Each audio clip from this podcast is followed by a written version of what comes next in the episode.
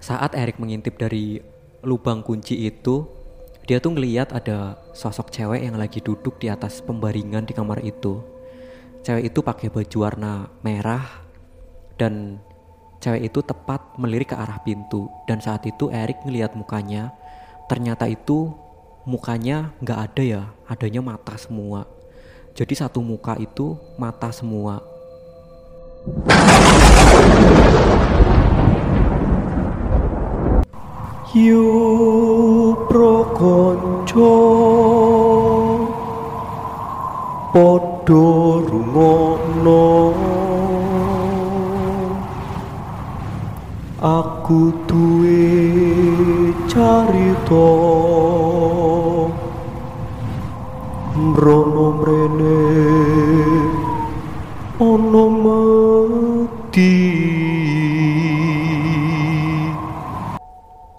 Sebenarnya aku mau share cerita ini udah lama ya. Udah dari malam minggu yang lalu, hari Sabtu malam minggu tanggal 3 Oktober ya. Bertepatan dengan ulang tahunnya Binar, tapi karena ada masalah di audio, akhirnya aku baru sempat share sekarang. Tapi nggak ada salahnya kalau aku ngucapin HBD buat Binar sekarang. Semoga panjang umur, sehat terus. Semoga banyak rizki dan apa yang selama ini disemogakan segera terkabulkan. Amin. Dan makasih juga buat teman-teman ya yang kemarin udah ngucapin HBD. Aku mewakili Binar mengucapkan makasih banyak buat kalian semua. Makasih buat doa-doanya. Semoga doa terbaik kembali ke diri kalian semuanya. Dan di kesempatan kali ini aku mau berbagi sebuah kisah yang dialami sama kawanku ya dia tuh namanya Erik dan Erik mengalami kisah ini tuh waktu dia masih kuliah di Jogja sana ya. Waktu itu dia masih kos dan kebetulan cerita ini Erik alami di kosnya itu ya. Jadi Erik tuh kos di tempat kos-kosan yang sebenarnya nggak terlalu rame anak yang kos ya. Cuma berapa anak aja yang kos di situ dan tempatnya juga ya terkesan kurang baik gitulah ya. Tapi karena kos itu murah gitu kan terus mengingat di sana tuh biaya kehidupannya lumayan mahal gitu kan. Terus Erik juga ya buat irit biaya gitu akhirnya dia tuh kos di situ. Kejadian pertama yang Erik alami waktu dia tuh kos di tempat itu malam itu dia bener-bener apa ya capek banget ya. Karena perjalanan dari tempatku ke Jogja itu kan lumayan jauh gitu kan. Dia tuh katanya capek banget tapi anehnya dia tuh sama sekali nggak bisa tidur. Sampai menjelang tengah malam ya dia denger ada suara cewek yang bersenandung ya. Bersenandung kayak nyanyi-nyanyi pakai hidung gitu tapi suaranya tuh nggak terlalu jelas gitu. Erik sempat heran kan karena setahu dia tuh yang kos di tempat ini tuh cuma cowok gitu loh nggak ada ceweknya gitu. Itu suaranya siapa gitu kan? Wah jangan-jangan ada yang bawa masuk cewek gitu kan? Pikirnya Erik tuh kayak gitu. Terus karena dia nggak bisa tidur gitu kan jadi dia tuh penasaran yang nyanyi-nyanyi terus siapa gitu. Kalau misalnya ada yang bawa masuk cewek masa iya cewek itu malah nyanyi-nyanyi terus padahal udah malam juga gitu kan. Tapi karena dia penasaran akhirnya dia tuh keluar dari kamar. Terus dia tuh uh, pura-puranya mau ke kamar mandi gitu ya. Dia keluar dari kamar suara senandung itu masih kedengeran. Kedengeran jelas banget dan Erik giliran keluar kamar itu baru tahu ya ternyata suara itu tuh bersumber dari kamar yang tepat ada di sebelah kamarnya Erik. Ya Erik semakin yakin kan kalau wah ini pasti ada yang bawa masuk cewek ke kamar nih gitu. Dia semakin yakin dan semakin apa ya semakin penasaran gitu. Tapi kok tuh cewek terus nyanyi-nyanyi terus gitu apalagi cover lagu apa gimana gitu. Tapi masa iya sih udah tengah malam masih nyanyi-nyanyi terus dan nyanyinya tuh nadanya dengan intonasi yang sama gitu ya dengan nada yang sama gitu. Pokoknya nadanya tuh bikin merinding gitu katanya si Erik tapi ya udahlah Erik karena udah keluar kamar gitu ya dia tuh bablas ke kamar mandi kan. Di kamar mandi padahal dari kamar Erik ke kamar mandi itu lumayan jauh ya. Karena kamar Erik itu posisinya di belak di depan sorry kamar Erik itu posisinya di depan dan itu paling depan ya kamarnya Erik. Terus ada kamar yang ada suara senandung itu. Terus masih ada beberapa kamar sampai ke belakang nanti di ujung itu ada sebuah kamar mandi gitu. Tapi walaupun jarak kamar mandi ke kamar itu jauh ya suara itu tuh anehnya kedengeran jelas banget. Kayak seakan-akan tuh suara itu ngikutin Erik ke kamar mandi gitu jadi Erik makin heran kan wah ini kenapa gitu? Kok suaranya nggak mengecil gitu ya? Walaupun Erik udah menjauh dari sumbernya tapi kok suaranya tetap kenceng bahkan jelas banget senandung itu. Akhirnya Erik buang air buang air kecil ya terus dia langsung kembali lagi ke kamar. Saat dia melewati kamar yang ada suara senandungnya itu dia tuh karena penasaran ya akhirnya dia iseng. Dia mengintip dari lubang kunci di kamar itu gitu. Saat Erik mengintip dari lubang kunci itu dia tuh ngeliat ada sosok cewek yang lagi duduk di atas pembaringan di kamar itu. Cewek itu pakai baju warna merah dan cewek itu tepat melirik ke arah pintu. Dan saat itu Erik ngeliat mukanya ternyata itu mukanya nggak ada ya adanya mata semua jadi satu muka itu mata semua. Jadi hidungnya itu nggak ada ya cuma satu muka itu cuma satu mata semua gitu. Ya matanya gede banget kan selebar muka itu.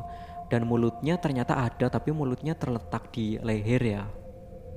Jadi mulutnya tuh terus bergumam gitu bersenandung gitu kayak senandung lagu Jawa gitu. Dan padahal di kamar itu gelap ya tapi Erik tuh bener-bener ngeliat jelas banget sosok itu. Seakan-akan tuh ada cahaya yang menyinari sosok itu supaya Erik yang lagi mengintip itu bisa ngeliat wujudnya dengan jelas. Erik langsung mundur kan dia langsung takut banget lihat sosok itu. Dia langsung kembali masuk kamar dan sempat ada pikiran buat pindah kos gitu ya tapi ya karena waktu itu dia masih baru kan di Jogja jadi ya mau pindah ke mana gitu kan dia nggak tahu kos yang harganya tuh bener-bener murah gitu. Setahu dia tuh cuma kos itulah gitu. Dan selama Erik kos di situ Erik sering ya ngelihat sosok itu. Pernah juga menembus tembok gitu masuk ke kamarnya Erik jadi nembus dari pintu dari tembok ya sorry dari tembok kamar sebelah ke kamarnya Erik gitu masuk ke kamarnya Erik gitu. Sebenarnya itu sosok yang paling ditakuti sama Erik ya. Itu sosok wanita itu walaupun di situ ternyata masih banyak sosok-sosok yang lainnya. Contohnya kayak sosok nenek-nenek terus ada sosok kakek-kakek yang biasanya tuh kalau malam muter-muter sambil kayak nyapu gitu ya. Tapi sebenarnya bukan nyapu tapi dia tuh menyeret-nyeret kakinya sendiri. Kakinya cuma satu ya dan yang satunya itu lepas dan diseret-seret di gesek-gesekan ke tanah gitu seakan-akan kayak lagi menyapu pakai kakinya gitu. Tapi Erik tetap bertahan sih. Aku juga heran ya sama dia ya. Dia tuh keberaniannya bener-bener oke okay banget. Dia tetap bertahan di kos itu sampai tamat kuliah. Dan cerita ini aku dapetin dari Erik hari Rabu yang lalu ya. Jadi udah satu minggu ini waktu itu Erik lagi libur nggak kerja terus main ke rumahnya aku dan cerita hal ini. Oke terima kasih buat Erik yang udah berbagi ceritanya ya dan terima kasih buat teman-teman semua yang udah dengerin cerita ini. Mohon maaf aku masih banyak kekurangan ya. Aku sadar banget masih banyak kekurangan di sana sini. Jadi aku mohon maaf banget sama temen-temen yang setia dengerin podcast kisah lembut ini. Dan ini dulu dari aku, kita berjumpa lagi di episode yang berikutnya. Terima kasih sekali lagi buat teman-teman yang udah dengerin. Wassalamualaikum warahmatullahi wabarakatuh dan see you.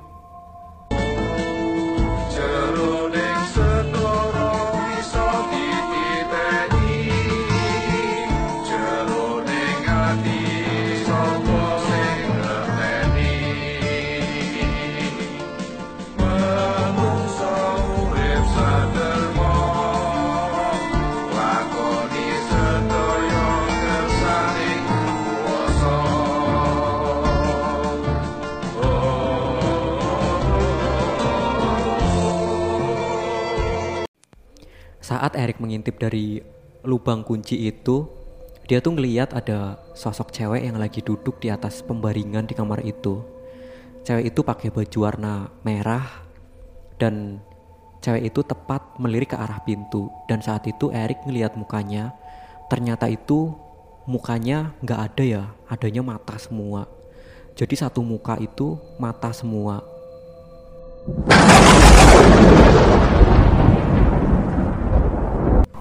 Yu prokonco. Podo rungono Aku duwe carita. Mrono mrene. Ono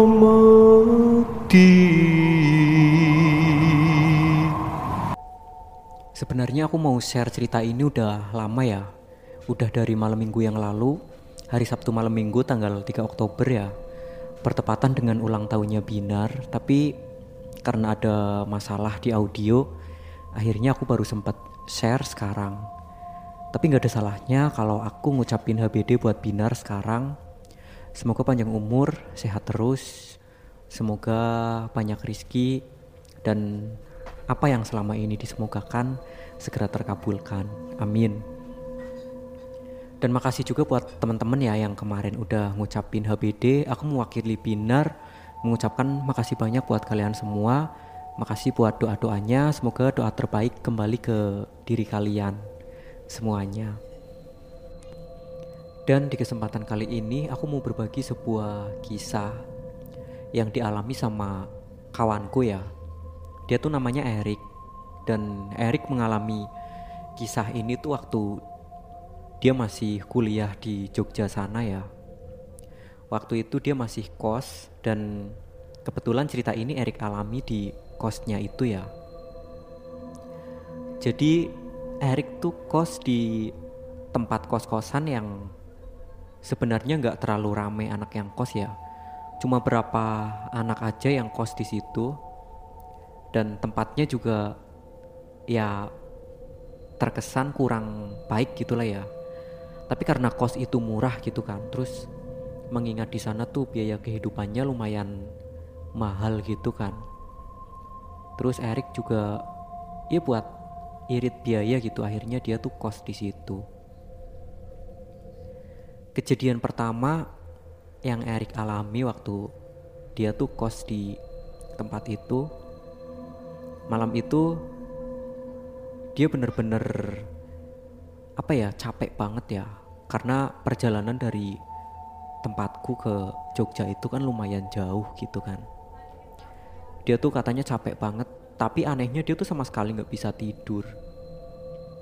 Sampai menjelang tengah malam ya dia denger ada suara cewek yang bersenandung ya. Bersenandung kayak nyanyi-nyanyi pakai hidung gitu tapi suaranya tuh nggak terlalu jelas gitu. Erik sempat heran kan karena setahu dia tuh yang kos di tempat ini tuh cuma cowok gitu loh nggak ada ceweknya gitu. Itu suaranya siapa gitu kan?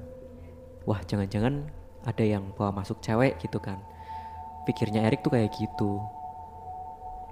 Terus karena dia nggak bisa tidur gitu kan jadi dia tuh penasaran yang nyanyi nyanyi terus siapa gitu. Kalau misalnya ada yang bawa masuk cewek masa iya cewek itu malah nyanyi nyanyi terus padahal udah malam juga gitu kan.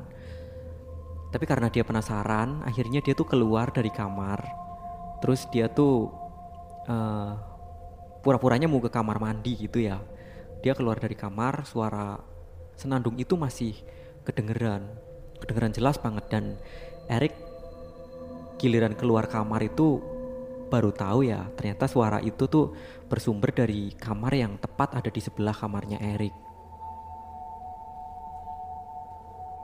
Ya Erik semakin yakin kan kalau wah ini pasti ada yang bawa masuk cewek ke kamar nih gitu. Dia semakin yakin dan semakin apa ya semakin penasaran gitu. Tapi kok tuh cewek terus nyanyi-nyanyi terus gitu apalagi cover lagu apa gimana gitu. Tapi masa iya sih udah tengah malam masih nyanyi-nyanyi terus dan nyanyinya tuh nadanya dengan intonasi yang sama gitu ya dengan nada yang sama gitu. Pokoknya nadanya tuh bikin merinding gitu katanya si Erik tapi ya udahlah Erik karena udah keluar kamar gitu ya dia tuh bablas ke kamar mandi kan. Di kamar mandi padahal dari kamar Erik ke kamar mandi itu lumayan jauh ya.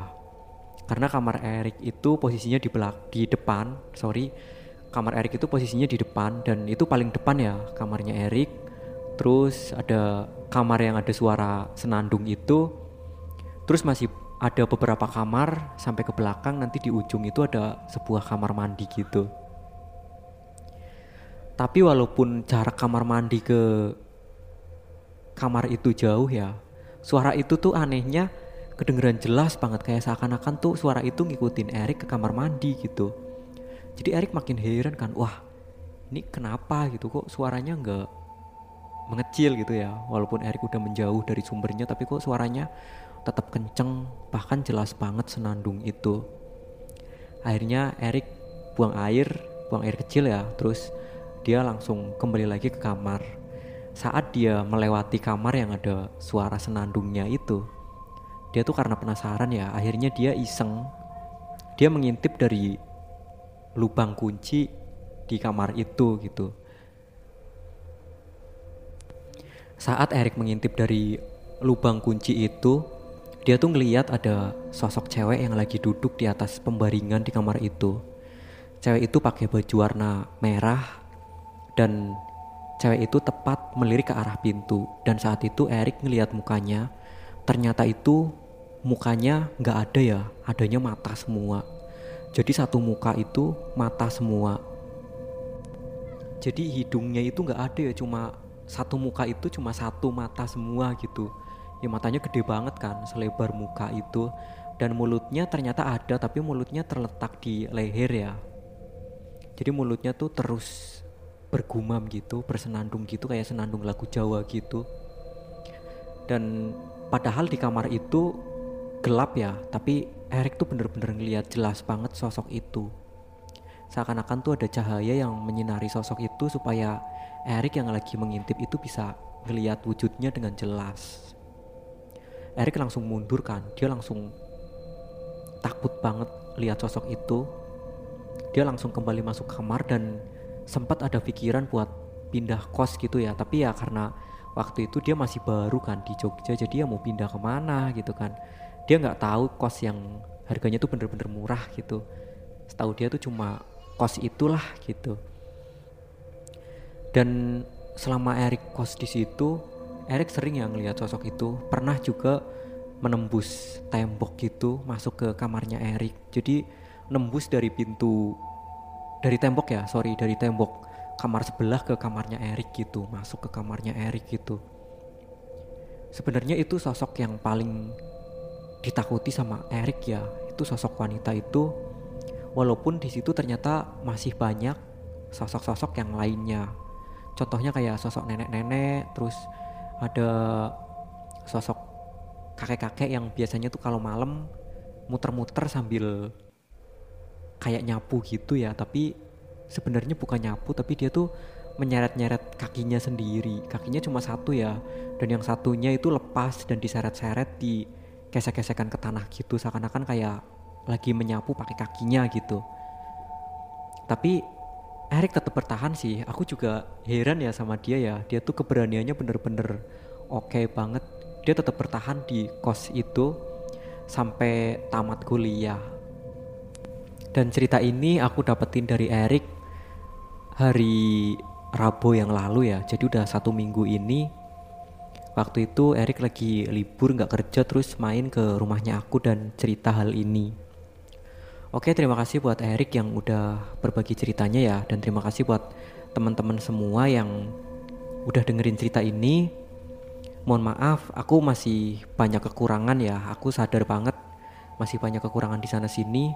Jadi aku mohon maaf banget sama teman-teman yang setia dengerin podcast kisah lembut ini. Dan ini dulu dari aku, kita berjumpa lagi di episode yang berikutnya. Terima kasih sekali lagi buat teman-teman yang udah dengerin. Wassalamualaikum warahmatullahi wabarakatuh dan see you.